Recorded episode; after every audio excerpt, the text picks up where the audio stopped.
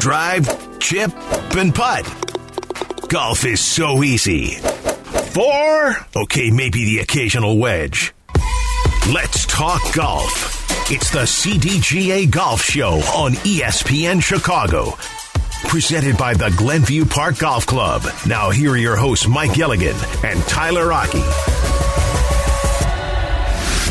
From the Old National Bank State Street Studio, this is WMVP WSAG HD2, Chicago, a good Karma Brands radio station. This is the CDGA Golf Show on ESPN 1100.3 HD2 and the ESPN Chicago app.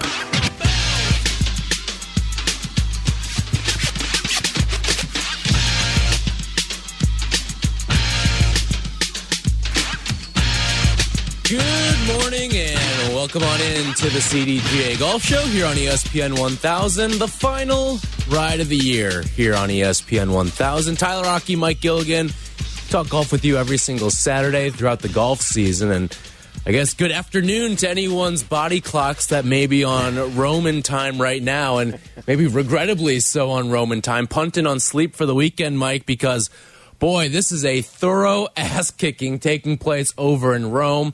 Right now, the Europeans with a nine and a half to two and a half lead over the U.S. It was a morning sweep yesterday, and it was almost a morning sweep once again this morning. We did see some historic stuff yesterday, including that sweep for the first time ever in the morning session. Um, but then this morning, Mike, we see another historic outing from Viktor Hovland and Ludwig Åberg who have the biggest blowout in Ryder Cup history, nine and seven. USA didn't even get to the twelfth hole. Brooks Koepka and Scotty Scheffler did not win a single hole through the first eleven, and they were sent home early on, on that round. Boy, this has gotten way out of hand, hasn't it? It certainly has. I'll tell you. Well, good morning, Tyler, and good morning, everybody in Chicago, and good morning to everyone over in Rome. Um, yeah, this is today a funeral for a friend, and I guess I'm glad I'm not in the NBC truck today because they have to be just crushed by this by this I guess performance and it's the lack thereof. And after the day we saw yesterday you you might say it's got to get better. Could it get any worse?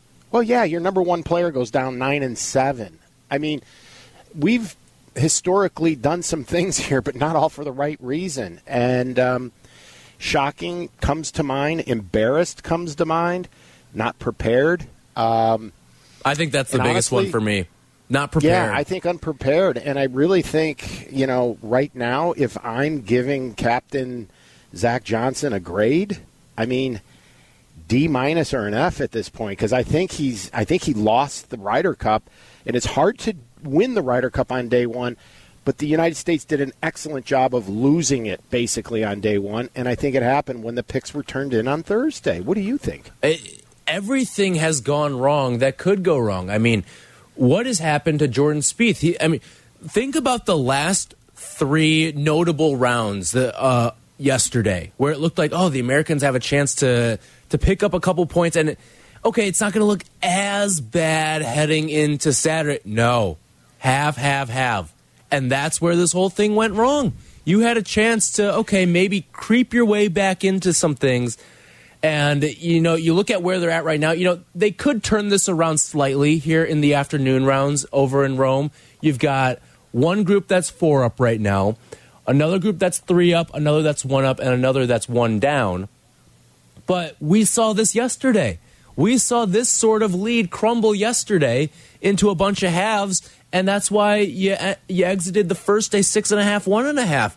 It, it should have been uh, it should have been close yesterday when it was all said and done. But at the end of the day, like I'm not confident that you can take uh, a ten and a half to five and a half right now. Are you? No, you really can't. And you know, honestly, yesterday the Europeans had what I would consider the closest thing to a perfect day is what they turned out yesterday, mm-hmm. and we absolutely enabled that. And to your point, yesterday had a excellent chance of ending five to three, not so bad.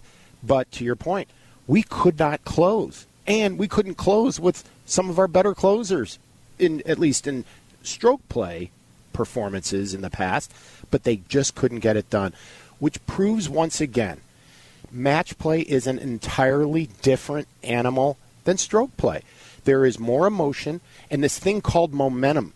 Mm-hmm. And what's puzzling to me, Boy, did the Europeans and I guess have the it. word, it, yeah, the puzzling part to me goes back to these to the pairings. You know, you picked Justin Thomas, you were ridiculed for it. Why did you pick him? He said, "You don't go over there without this guy." And then you put Brooks and he in a cage, and you're going to go out to a street fight in the first day, and you don't bring those guys. That's why you had those guys. Yeah. To prevent this, and you left them on the bench. I think that's where things went considerably wrong, and to get momentum over in Europe with 55,000 people there, it takes a spark. And that's what they did right away. And they just steamrolled us. And we looked, I stayed up, unfortunately, for day one.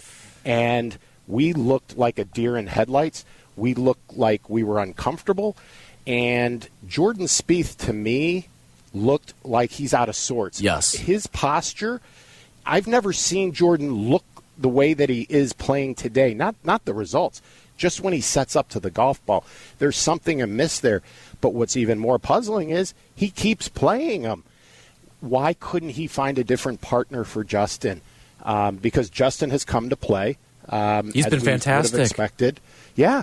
And the guy that we doubted the most is certainly the guy that's coming through. Which once again, experience matters in this. There are intangibles. There are people that are meant for match play, and then there are those that just don't do well in match play. And they created a golf course, and I got to give a lot of credit to Luke Donald. The way he figured out where our weaknesses were and how he set that golf course up um, a big credit to him. He gets an A plus. He gets an A across all facets. I Think mean, about- what he did in the locker room for these guys. He thought this thing out from stem to stern and created a venue that made it very difficult for us, and most specifically narrowed the fairways, and you know basically.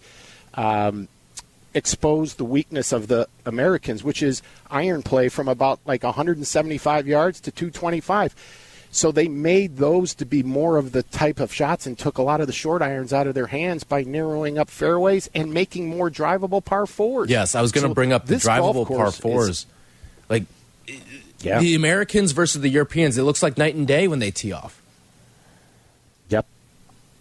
It certainly does. And I'll tell you what, the, just go back and look at how many times we miss the first fairway and they just pipe it. And correct me if I'm wrong, is Viktor Hovland the hottest player Oh, on the my planet? goodness. Or what? The the putt I mean, this is why he's my pick for the Masters. the the putt he had it. on 18 yesterday was beyond clutch. And then you couple that with the eagle putt from Rahm to also close out yesterday. I mean, it felt like dagger after dagger, and those were just to have the rounds. And but like Exactly. those are like in gambling, there's push losses and push wins. Those were push wins for the Europeans. Those were push losses for the Americans yesterday. And 100%. it was, I mean, it just felt like those two just sucked the life out of the Americans with those dagger putts near the end. By the way, this segment brought to you by Geneva National. Experience 54 holes of legendary golf at Destination Geneva National. You want to join us? 312 332 3776 to talk about the Ryder Cup disaster. By the way, we will head over to Rome at 830 and talk with James Colgan, our buddy over at golf.com. He is on the scene of the crime right now out at Marco Simone Golf Club. So we will talk with James coming up in about 20 minutes. But I mean, you know, there's a world where the Americans can kind of squeeze their way into a 10 6, almost reminiscent, actually, exactly reminiscent of what we saw out at uh, Medinah back in 2012. But like, I don't like. There's no momentum right now with the with this American team that you can even feel confident about rolling into the single matches. No, you really, you, you really can't. Um, it, it, it's just. Uh, I I'll go back to yesterday morning. They were so flat. We had no emotion. The only guy that brought emotion was JT, but that was a little too late when it was in the afternoon. Um, in the morning, again, just so flat, almost like we didn't really want to be there. But really, we looked unprepared. And I know we went over, you know, a week or two earlier to see the golf course and all that. But when we when we return this week, from what I'm gathering and what I've read, I'm not sure many people played 18 holes. I think there was a lot of nine holes. They played a few holes, some additional holes, but I don't think they really played with a certain urgency and conviction to really understand and learn the nooks and crannies of this place, where to miss, and all that good stuff. Because I think they were so concerned with the undulation of the golf course and trying to save everybody's legs and, and, and keep them from getting tired. All I know is Viktor Hovland so far just keeps playing great golf, as do the rest of these guys, and they keep coming back for more. They're not sitting their horses. They're, you know, he came right back out with the same lineup. He just switched the first group and the fourth group, and admittedly, just to give the first group a little bit more sleep. Um, but aside from that, they've got a recipe for success, and um, I just think that the only reason we're starting to kind of climb back into this is that not everything is going exactly their way now for the first time in you know 36 hours. You, you look at too. You bring up the the rust factor here.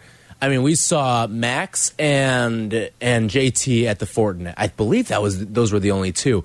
Meanwhile, on the other side, mm -hmm. you look at the European side, and they had the European uh, BMW Championship that they had as part of the DP World Tour, and you had Tyrrell Hatton, Jon Rahm, Viktor Hovland, Tommy Fleetwood, Rory McIlroy, Ludvig Åberg, Sepp Straka. Uh, I keep going down this list. Shane Lowry, like all Matt Fitzpatrick, all these guys were in golf shape by the time they got here. And like Brooks played his live event, whatever. Like I don't know. Like it just it, what a disaster this has become as quickly as it's become. Yeah, really, Max Homa and uh, JT were the ones that played in that Fortinet, and ironically, they're the ones that are helping us out the most right now. I mean, if you had to give a most valuable player, if there was such a thing for the American team, who might it be at this point? And then who would it be for the Europeans? I mean, my vote goes to Viktor, of course, yes. but Ludwig, without question, rookie of the event, mm-hmm. and this kid's future is looking so bright. It wouldn't surprise me in the least that whether it's next year, in three years, he's the number one player in the world. This guy looks so mature, so just, you know, just so prepared and just unflappable. Yeah. No doubt about that. You want to join us 312 332 3776. Vic's on the north side. Good morning, Vic. Yeah, I was saying, you know, I watched every round yesterday, and when they showed those um, the the team photos where they're all in the groups, and the Europeans were having fun. They're high fiving, uh, they're laughing, they're loose. And you look at the Americans; they're solemn. They got a stone face. Brooks Koepka looks like he wants to have a street fight. I mean, they're tense. You can see the body language tells everything about them. But yesterday's round by Rahm was just so incredible. The guy's got ice water in his veins, and everything he put up went in. It was incredible. No doubt about um, that. Like you said, Hovland is the hottest player in golf right now. I mean, the last three tournaments he played in, he just is the hottest hand. And and like you said, Ludwig, oh, what a better partner to have than Jon Rahm. You know, it was just uh, Ludwig carried the first nine, Jon Rahm carried the back nine. It was just incredible. And what a beautiful course. What a beautiful setting. Yeah. You never would have pictured a, a, a course like, you know, I don't, you, when you think of golf, you think of Scotland, you think of Ireland, you think of the U.S. You really don't think of Italy even being on the map in golf. But the other thing too was, I guess, uh, some of the top finishes in the Italian Open. The Europeans had those guys on their team, so they knew the course too. And like you said, credit to uh, Luke Donald for the way he set up the course too, to favor you know the uh, the strong points of that team. But it's just incredible. And, you know, this is golf is such a great game, and these guys make it even better just watching. Yeah, certainly, Vic. Appreciate the phone call there. 312 332 3776. Uh, Mike, I've got a fear about the Ryder Cup moving forward that I want to bring to your attention, at least from an American side here. And uh, we will get more of your Ryder Cup thoughts as well. 312 332 3776. This segment brought to you by Geneva National, the CDGA Golf Show. We'll be right back. EGA Golf Show on ESPN 1100.3 HD2 and the ESPN Chicago app. Welcome into the CDGA Golf Show on ESPN 1000. Presented by Glenview Park Golf Club. Here's your hosts, Mike Gilligan and Tyler Rocky.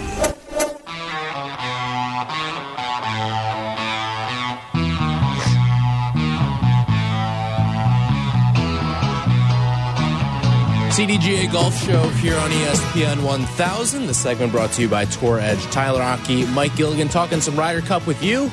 You want to join us 312 332 3776. Have you turned it off?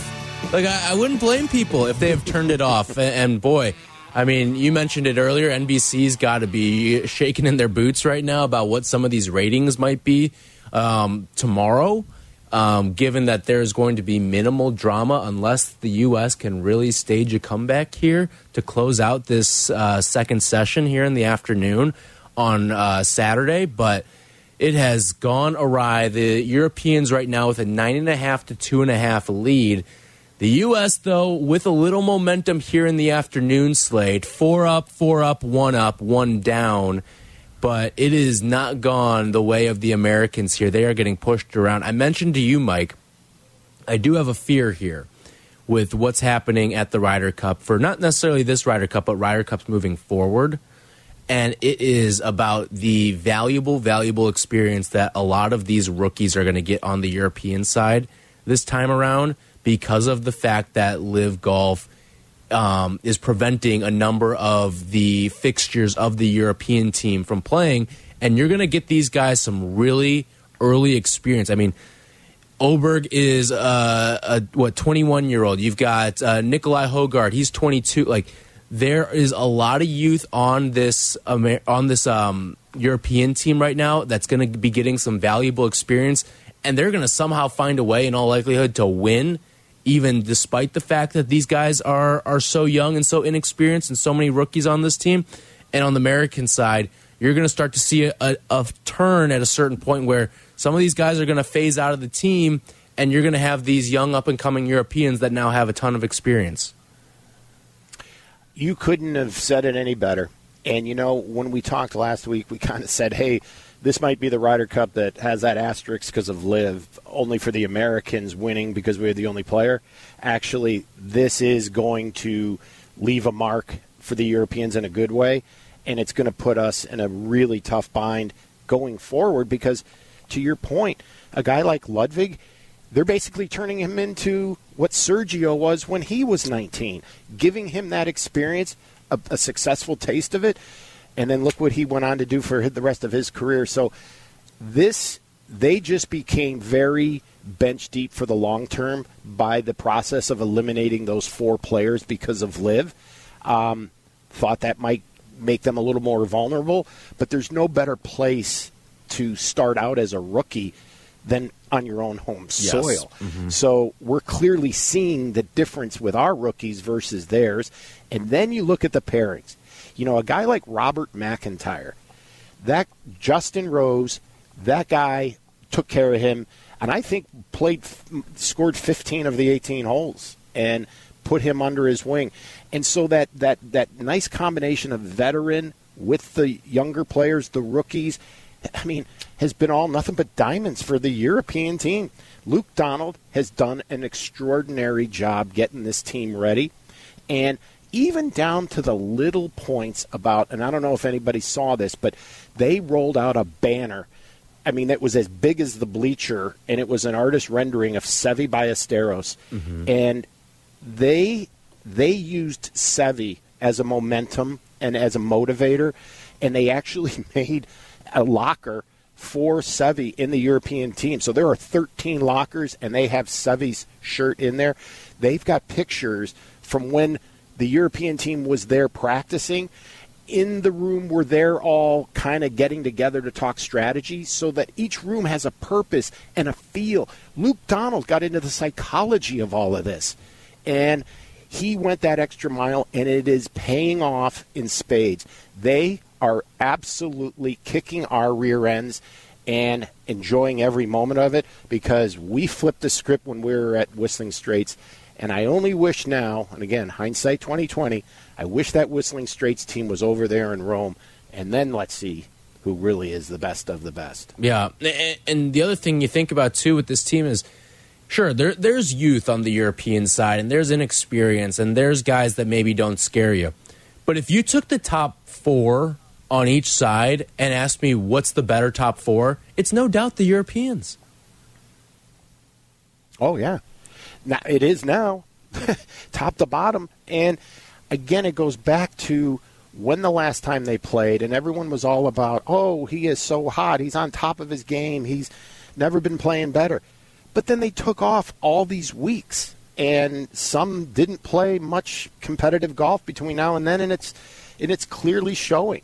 The number one player in the world went down nine and seven. Would you have ever guessed that last no. Saturday? No, never. And these guys, they just weren't ready. And I guess my fear is that we did treat it like an exhibition. That word had been used a bunch of times over the last few weeks. Oh, it's an exhibition, it's an exhibition. And I think that's how we looked at it. Europeans didn't. This is, and for Americans that are listening to this, we here in America are just discovering over the last couple of decades how special the Ryder Cup matches are. See, over in Europe, it's been the biggest event in golf for many, many decades, bigger than the British Open. And the, the Europeans will be quick to point out you Americans are now just figuring out how special this event really is. This is truly the Super Bowl of golf over there. And I mean, when you look at these fans, they are having a ball. And what a venue. And Vic was right. Rome, I mean, and that is a great match play golf course. Um, I would love to see the Ryder Cup keep going back there because yeah. it's a fun golf course to watch. No doubt. All right, when we come back, we will head across the pond and check in with James Colgan, who is over in Rome from golf.com. He'll join us coming up next. This segment brought to you by Tour Edge. We'll be back on the CDGA Golf Show. More golf ahead. The CDGA Golf Show on ESPN 1000, presented by Glenview Park Golf Club. From PGA to where you should play, this is the CDGA Golf Show with Mike Gilligan and Tyler Rocky, presented by Glenview Park Golf Club.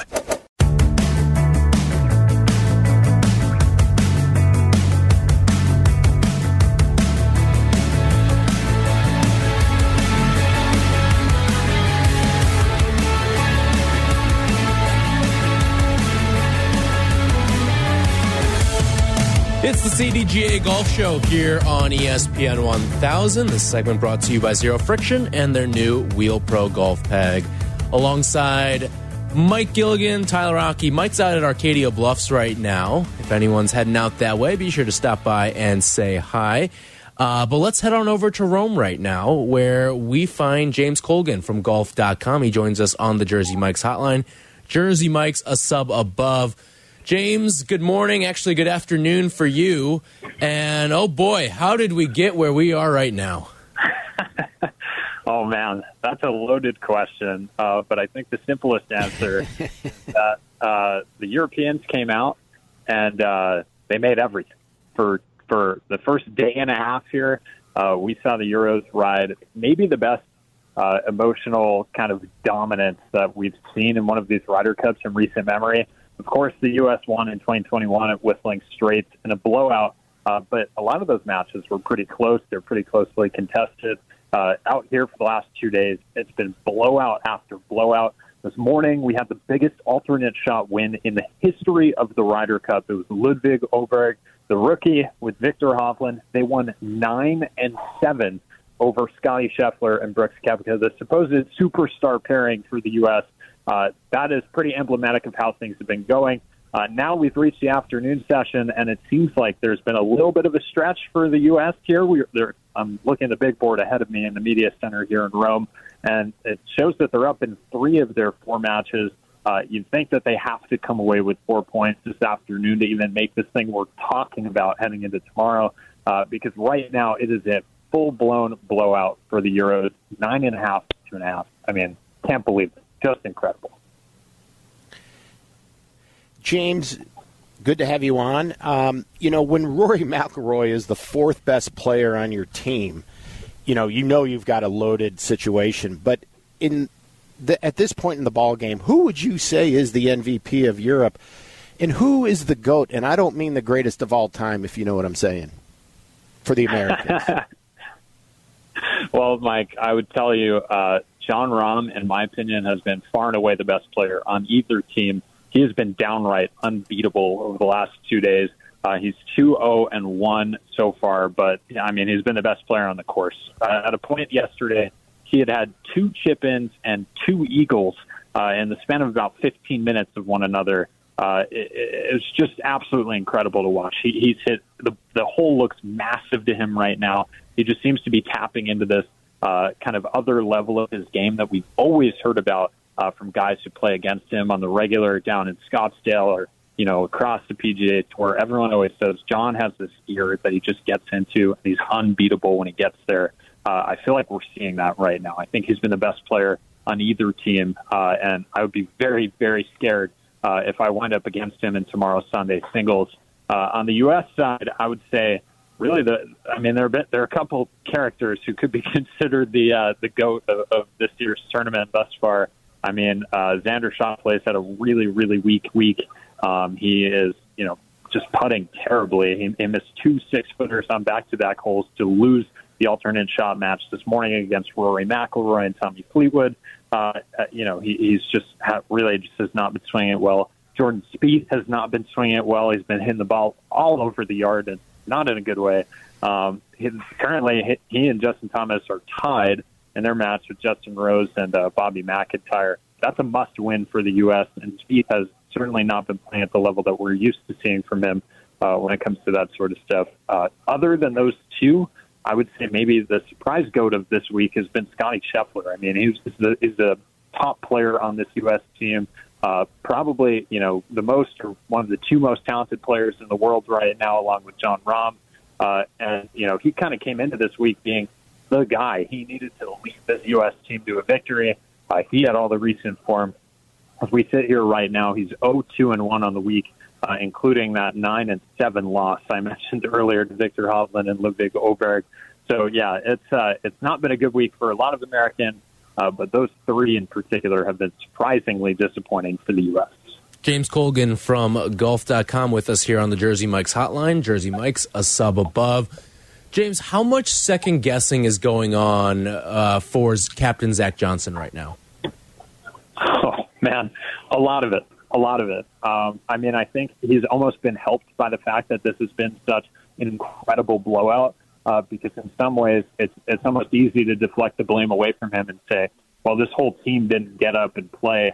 Uh, you know, for really any point until this afternoon session on, on Saturday. Uh, but all that being said, I mean, uh, you know, a team is a reflection of its leader. That's true in any sport, and it's particularly true here at the Ryder Cup, where the captain controls so much about who's playing who and when and where and with what partner.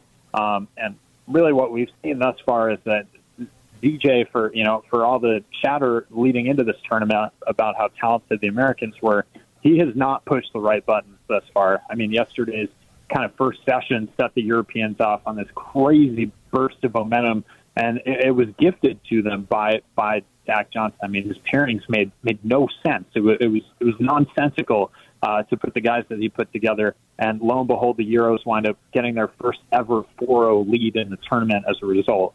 So, you know, the thing with the Ryder Cup, and this is true every year, but especially this year, is momentum is huge. And, you know, if you're the road team, you've got to be careful about the way that you're deploying your players, about the way that you are maybe giving momentum to the crowd and to the home team. Uh, Zach just, I mean, I, I don't think he's shown really a, a great grasp of that this week. And the U.S. has, has been unquestionably the worst for it. James, um, you know, Zach mentioned yesterday, and I think he probably regrets talking about it, that there is some illness going around the team, and now we don't see Rickie Fowler at all today. They're saying it was a captain's decision. What what's your take on this virus or this bug? They're talking about antibiotics going around in the team, and the team doctor is now getting a lot of a lot of fanfare. What happened to Rickie? Yeah, I mean, I think it's a question we probably won't know the full true answer about until after this tournament is over. Uh, what I can tell you right now is that uh, from a few different people I've spoken to around the U.S. team, there's some sort of uh, respiratory issue. It seems like uh, congestion related. Um, a, a, bunch of the players, uh, you know, are are dealing with it currently. Some of the players uh, have been dealing with, I guess, a, a series of different uh, symptoms as a result of it. Um, it apparently has ripped through the U.S. team, according to Zach Johnson. Um, and it seems as though Rickie was affected by that, but truthfully, we don't know. We we haven't heard much of anything from Rickie since this week started. Um, he played pretty poorly in his first match of the week. I would say very poorly in his first match of the week, which came, you know, in yesterday morning's kind of opening session, that blowout I was speaking about earlier. Um, he played very poorly alongside uh, Collin Morikawa, and you know I think when you look at Rickie's historical match play record, he's he's not a very good player. Um, you know, I, I think his career record right now is something like two, six, and and five or something like that. He, he's he's not been on the winning side of very many matches in his Ryder Cup career. And so when you're Zach Johnson and you're you know a leader, and I mean who knows what the impact of this of this kind of you know health issue is is having on the team. But when you're Zach Johnson, you're a leader, and you have to be making a decision. You're looking at the big board, and you see the U.S. is down nine and a half to two and a half going into the the last session before Sunday singles. Uh, you know you can only play your best players. You can only play the guys you know are going to bring it. Rickie didn't bring it in the first match he played this week, and I think that made it kind of an easy decision for Zach, irrespective of you know whatever kind of health stuff he might be dealing with. James Colgan from golf.com with us here on the CDGA Golf Show. So, uh, what's been uh, the overall vibe the, with the lack of LIV players out there? Brooks Koepka being the only guy out there in Rome representing for LIV Golf. What's the vibe out there? Do people feel like, hmm, something's missing here, or is it kind of the, the turning of a new page for the Ryder Cup? Well, you know, I can tell you, Tyler, today we kind of had an interesting little ripple into uh, Ryder Cup week as the Euros were dominating the opening session. A report came from Sky Sports' Jamie Weir, uh, who said there, you know, been kind of uh, some dissent within the U.S. team based around the fact that Patrick Cantlay felt that, you know, players should be paid for competing in the Ryder Cup. And for those who don't know, players aren't paid for participating in this event. It's, it's held every other year. It's held by the PGA of America and the European Tour, now known as the DP World Tour. Uh, you know, guys who play it in this event aren't aren't getting paid for it. It's you know, there, there's a there's a charity stipend.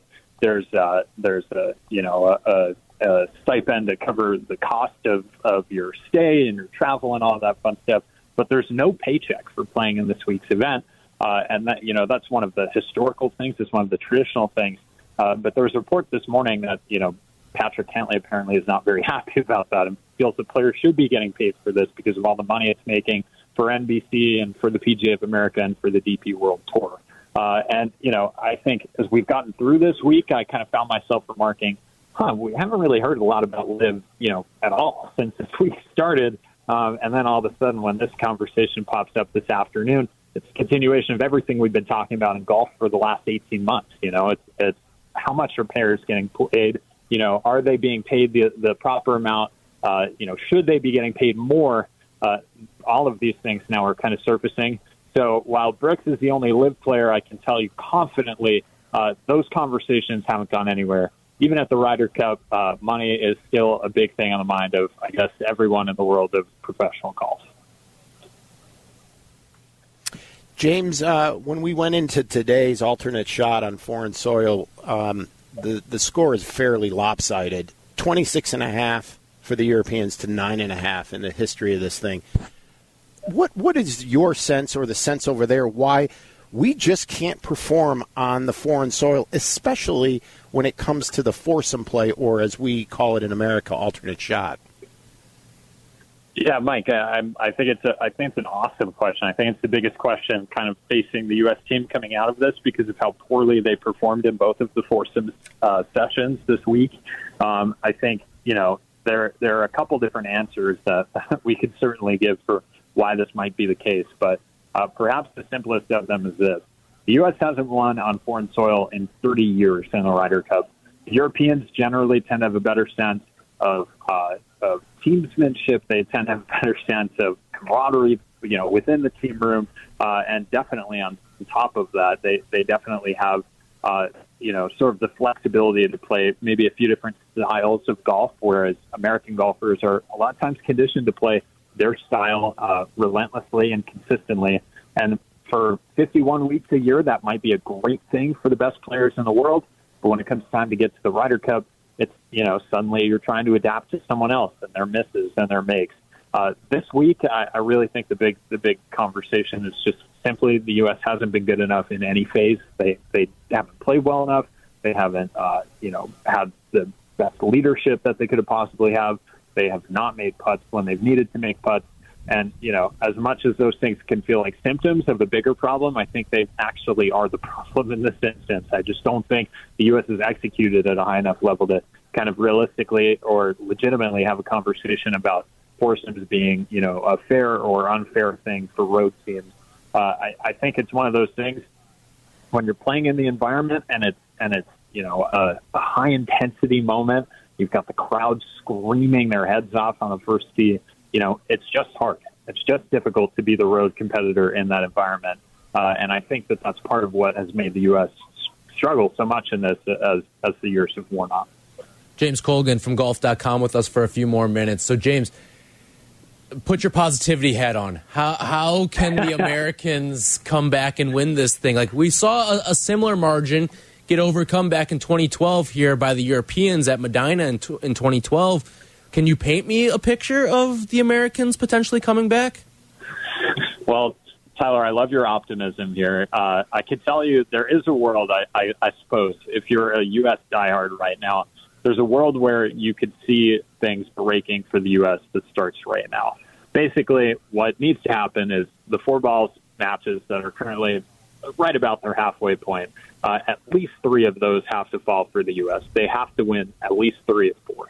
Uh, if they can get it and where they win all four matches and they're able to cut the deficit from from nine and a half to two and a half to nine and a half to six and a half, uh, all of a sudden we're talking about a totally different ball game tomorrow morning when 12 players will go and play in singles matches against one another. 12 points are on the board. All of a sudden, it's a brand new day. Uh, if you win all four, that makes it easy. If you win three of the four, suddenly you're looking at a deficit of four points, which, uh, of course, you guys are, are you know, well conditioned to know uh, that is sort of the the uh, the the magic number when it comes to Ryder Cup Sunday singles because that is the biggest uh, the biggest deficit that any team has ever overcome, and it was at Medinah in 2012.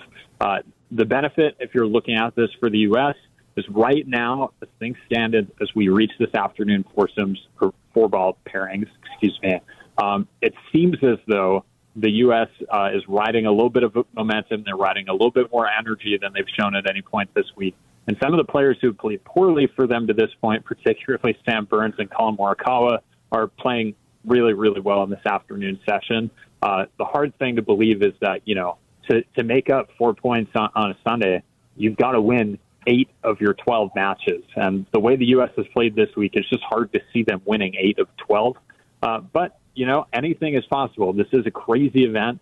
Uh, this golf course definitely suits a lot of the players that are on the U.S. team, and their play to this point has been kind of shocking for how bad it's been. So there, there is a world where we could get a correction back to the mean, and all of a sudden uh, we're coming down the stretch tomorrow afternoon, and we've got a whole new ball.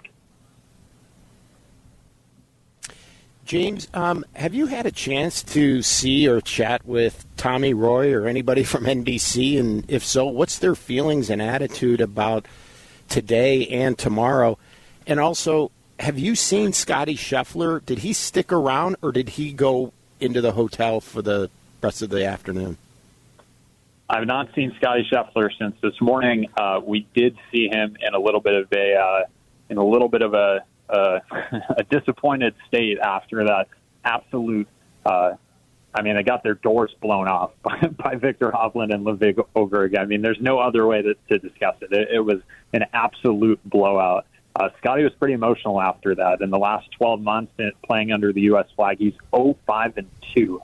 Uh, that's not good enough for one of the wow. best players in the world, uh, if not the best player in the world. Um, and that's the reality right now. That's where things stand. Um, so I, I have not seen him around the golf course. I'd imagine he probably still is around the golf course. I've, I've seen his family out there all week. Um, but I mean, I would understand if he was kind of in a slightly emotional place. Uh, I'm sure he's hoping that the U.S. can kind of cut into the deficit. And uh, as far as the broadcast is concerned, I, I haven't seen anyone from the NBC team really around. You know, you see a few people every week and you give a couple perfunctory hellos, but I haven't had any real in-depth conversations. Uh, you know, I'm sure you are referring to, you know, the just complete overload of commercials that we've seen during broadcasts of professional golf for the last couple of years, but particularly this weekend. Uh, what I can share with you about that is, uh, frankly, this shouldn't be happening. This this event, the players are not taking any money from it. Uh, NBC is not paying any production costs up front. They're, you know, that's normally a multi-million dollar expense during a, a major golf week. They're spending zero dollars or very close to zero dollars on that this week because, uh, you know, this is a broadcast that's put on by an international production company and then it's piped back to the U.S. Uh, so what you're seeing on your television, the number of commercials that you're seeing, the the kind of uh, intensity of, of that whole production, that is a function of NBC trying to make a lot of money from this event and maybe having to pay a lot of money to the PGA of America and the DP World Tour to broadcast it. Um, but it is not a it's not a function of of uh, that money being redistributed redistributed to the players in any way. Uh, and so it's pretty disappointing for golf fans. I know, particularly those of you in Chicago right now who are waking up in the middle of the night uh, to tune into what is supposed to be a really epic weekend in golf and uh, are instead inundated with commercials. I can understand the frustration, and I, you know I could tell you it's certainly being heard by the NBC uh, leadership who, who knows if that will you know result in any significant changes as, as time goes on. No doubt about that, James. And then last, oh, oh go ahead, Mike.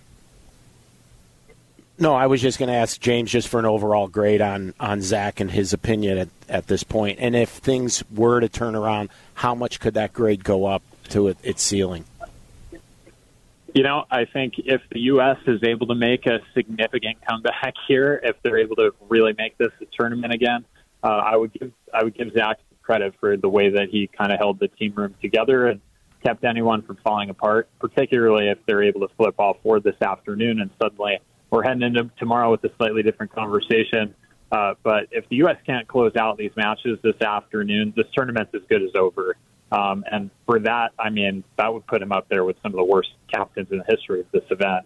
Um, I, I would say right now his his grade is still incomplete. He still has tomorrow to, to go, but thus far it has, it has not been particularly inspiring. I think if you're a U.S. golf fan, you probably are pretty disappointed with the way that they've played this week. There's reason to be frustrated with the players who have really underperformed all week, but there's also plenty of reason to be upset with the leadership of the U.S. team, which has uh, you know, frankly, in, in a lot of ways, been lacking to this point. Well, James, at least you're eating well while you get to watch the massacre. Uh, thanks so much for joining us here on the CDGA Golf Show. Thanks so much for joining us all season long, and look forward to chatting with you next year. Cheers. Thanks so much. Congrats on another great season, guys. Thanks, and I will. Uh, I'll talk to you very soon. That is James Colgan from Golf.com. He is over in Rome right now watching the massacre. Europe with a nine and a half to two and a half lead. We'll keep you updated with more of what's going on over in Rome when we come back. This segment brought to you by Zero Friction, the most innovative products company in golf. This is the CDGA Golf Show on ESPN 1100.3 HD2 and the ESPN Chicago app. Golf is on your mind and on the air right now. This is the CDGA Golf Show on ESPN 1100.3 HD2 and the ESPN Chicago app. Presented by Glenview Park Golf Club.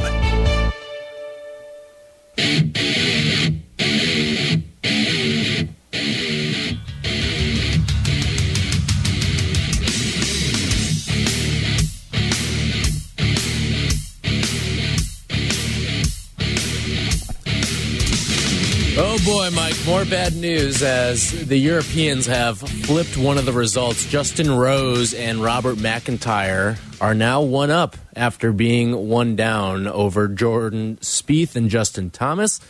So uh, it is not looking good for the Americans yeah. right now. This segment brought to you by Tullymore Golf Resort. Experience a Michigan masterpiece. We'll get you more of what's going on over in Rome because it is now a projected um, after the afternoon session 11 and a half, four and a half. The Americans look like they've got one comfortably in the bag, just one potentially more hole to play in a match where they are six up through 12. So we will get you everything else that's going on over in Rome at the Ryder Cup when we come back. This segment brought to you by Tullymore Golf Resort, up North Michigan Golf without the drive. This is the CDGA Golf Show, presented by Glenview Park Golf Club, ESPN 1100.3 HD2, and the ESPN Chicago app.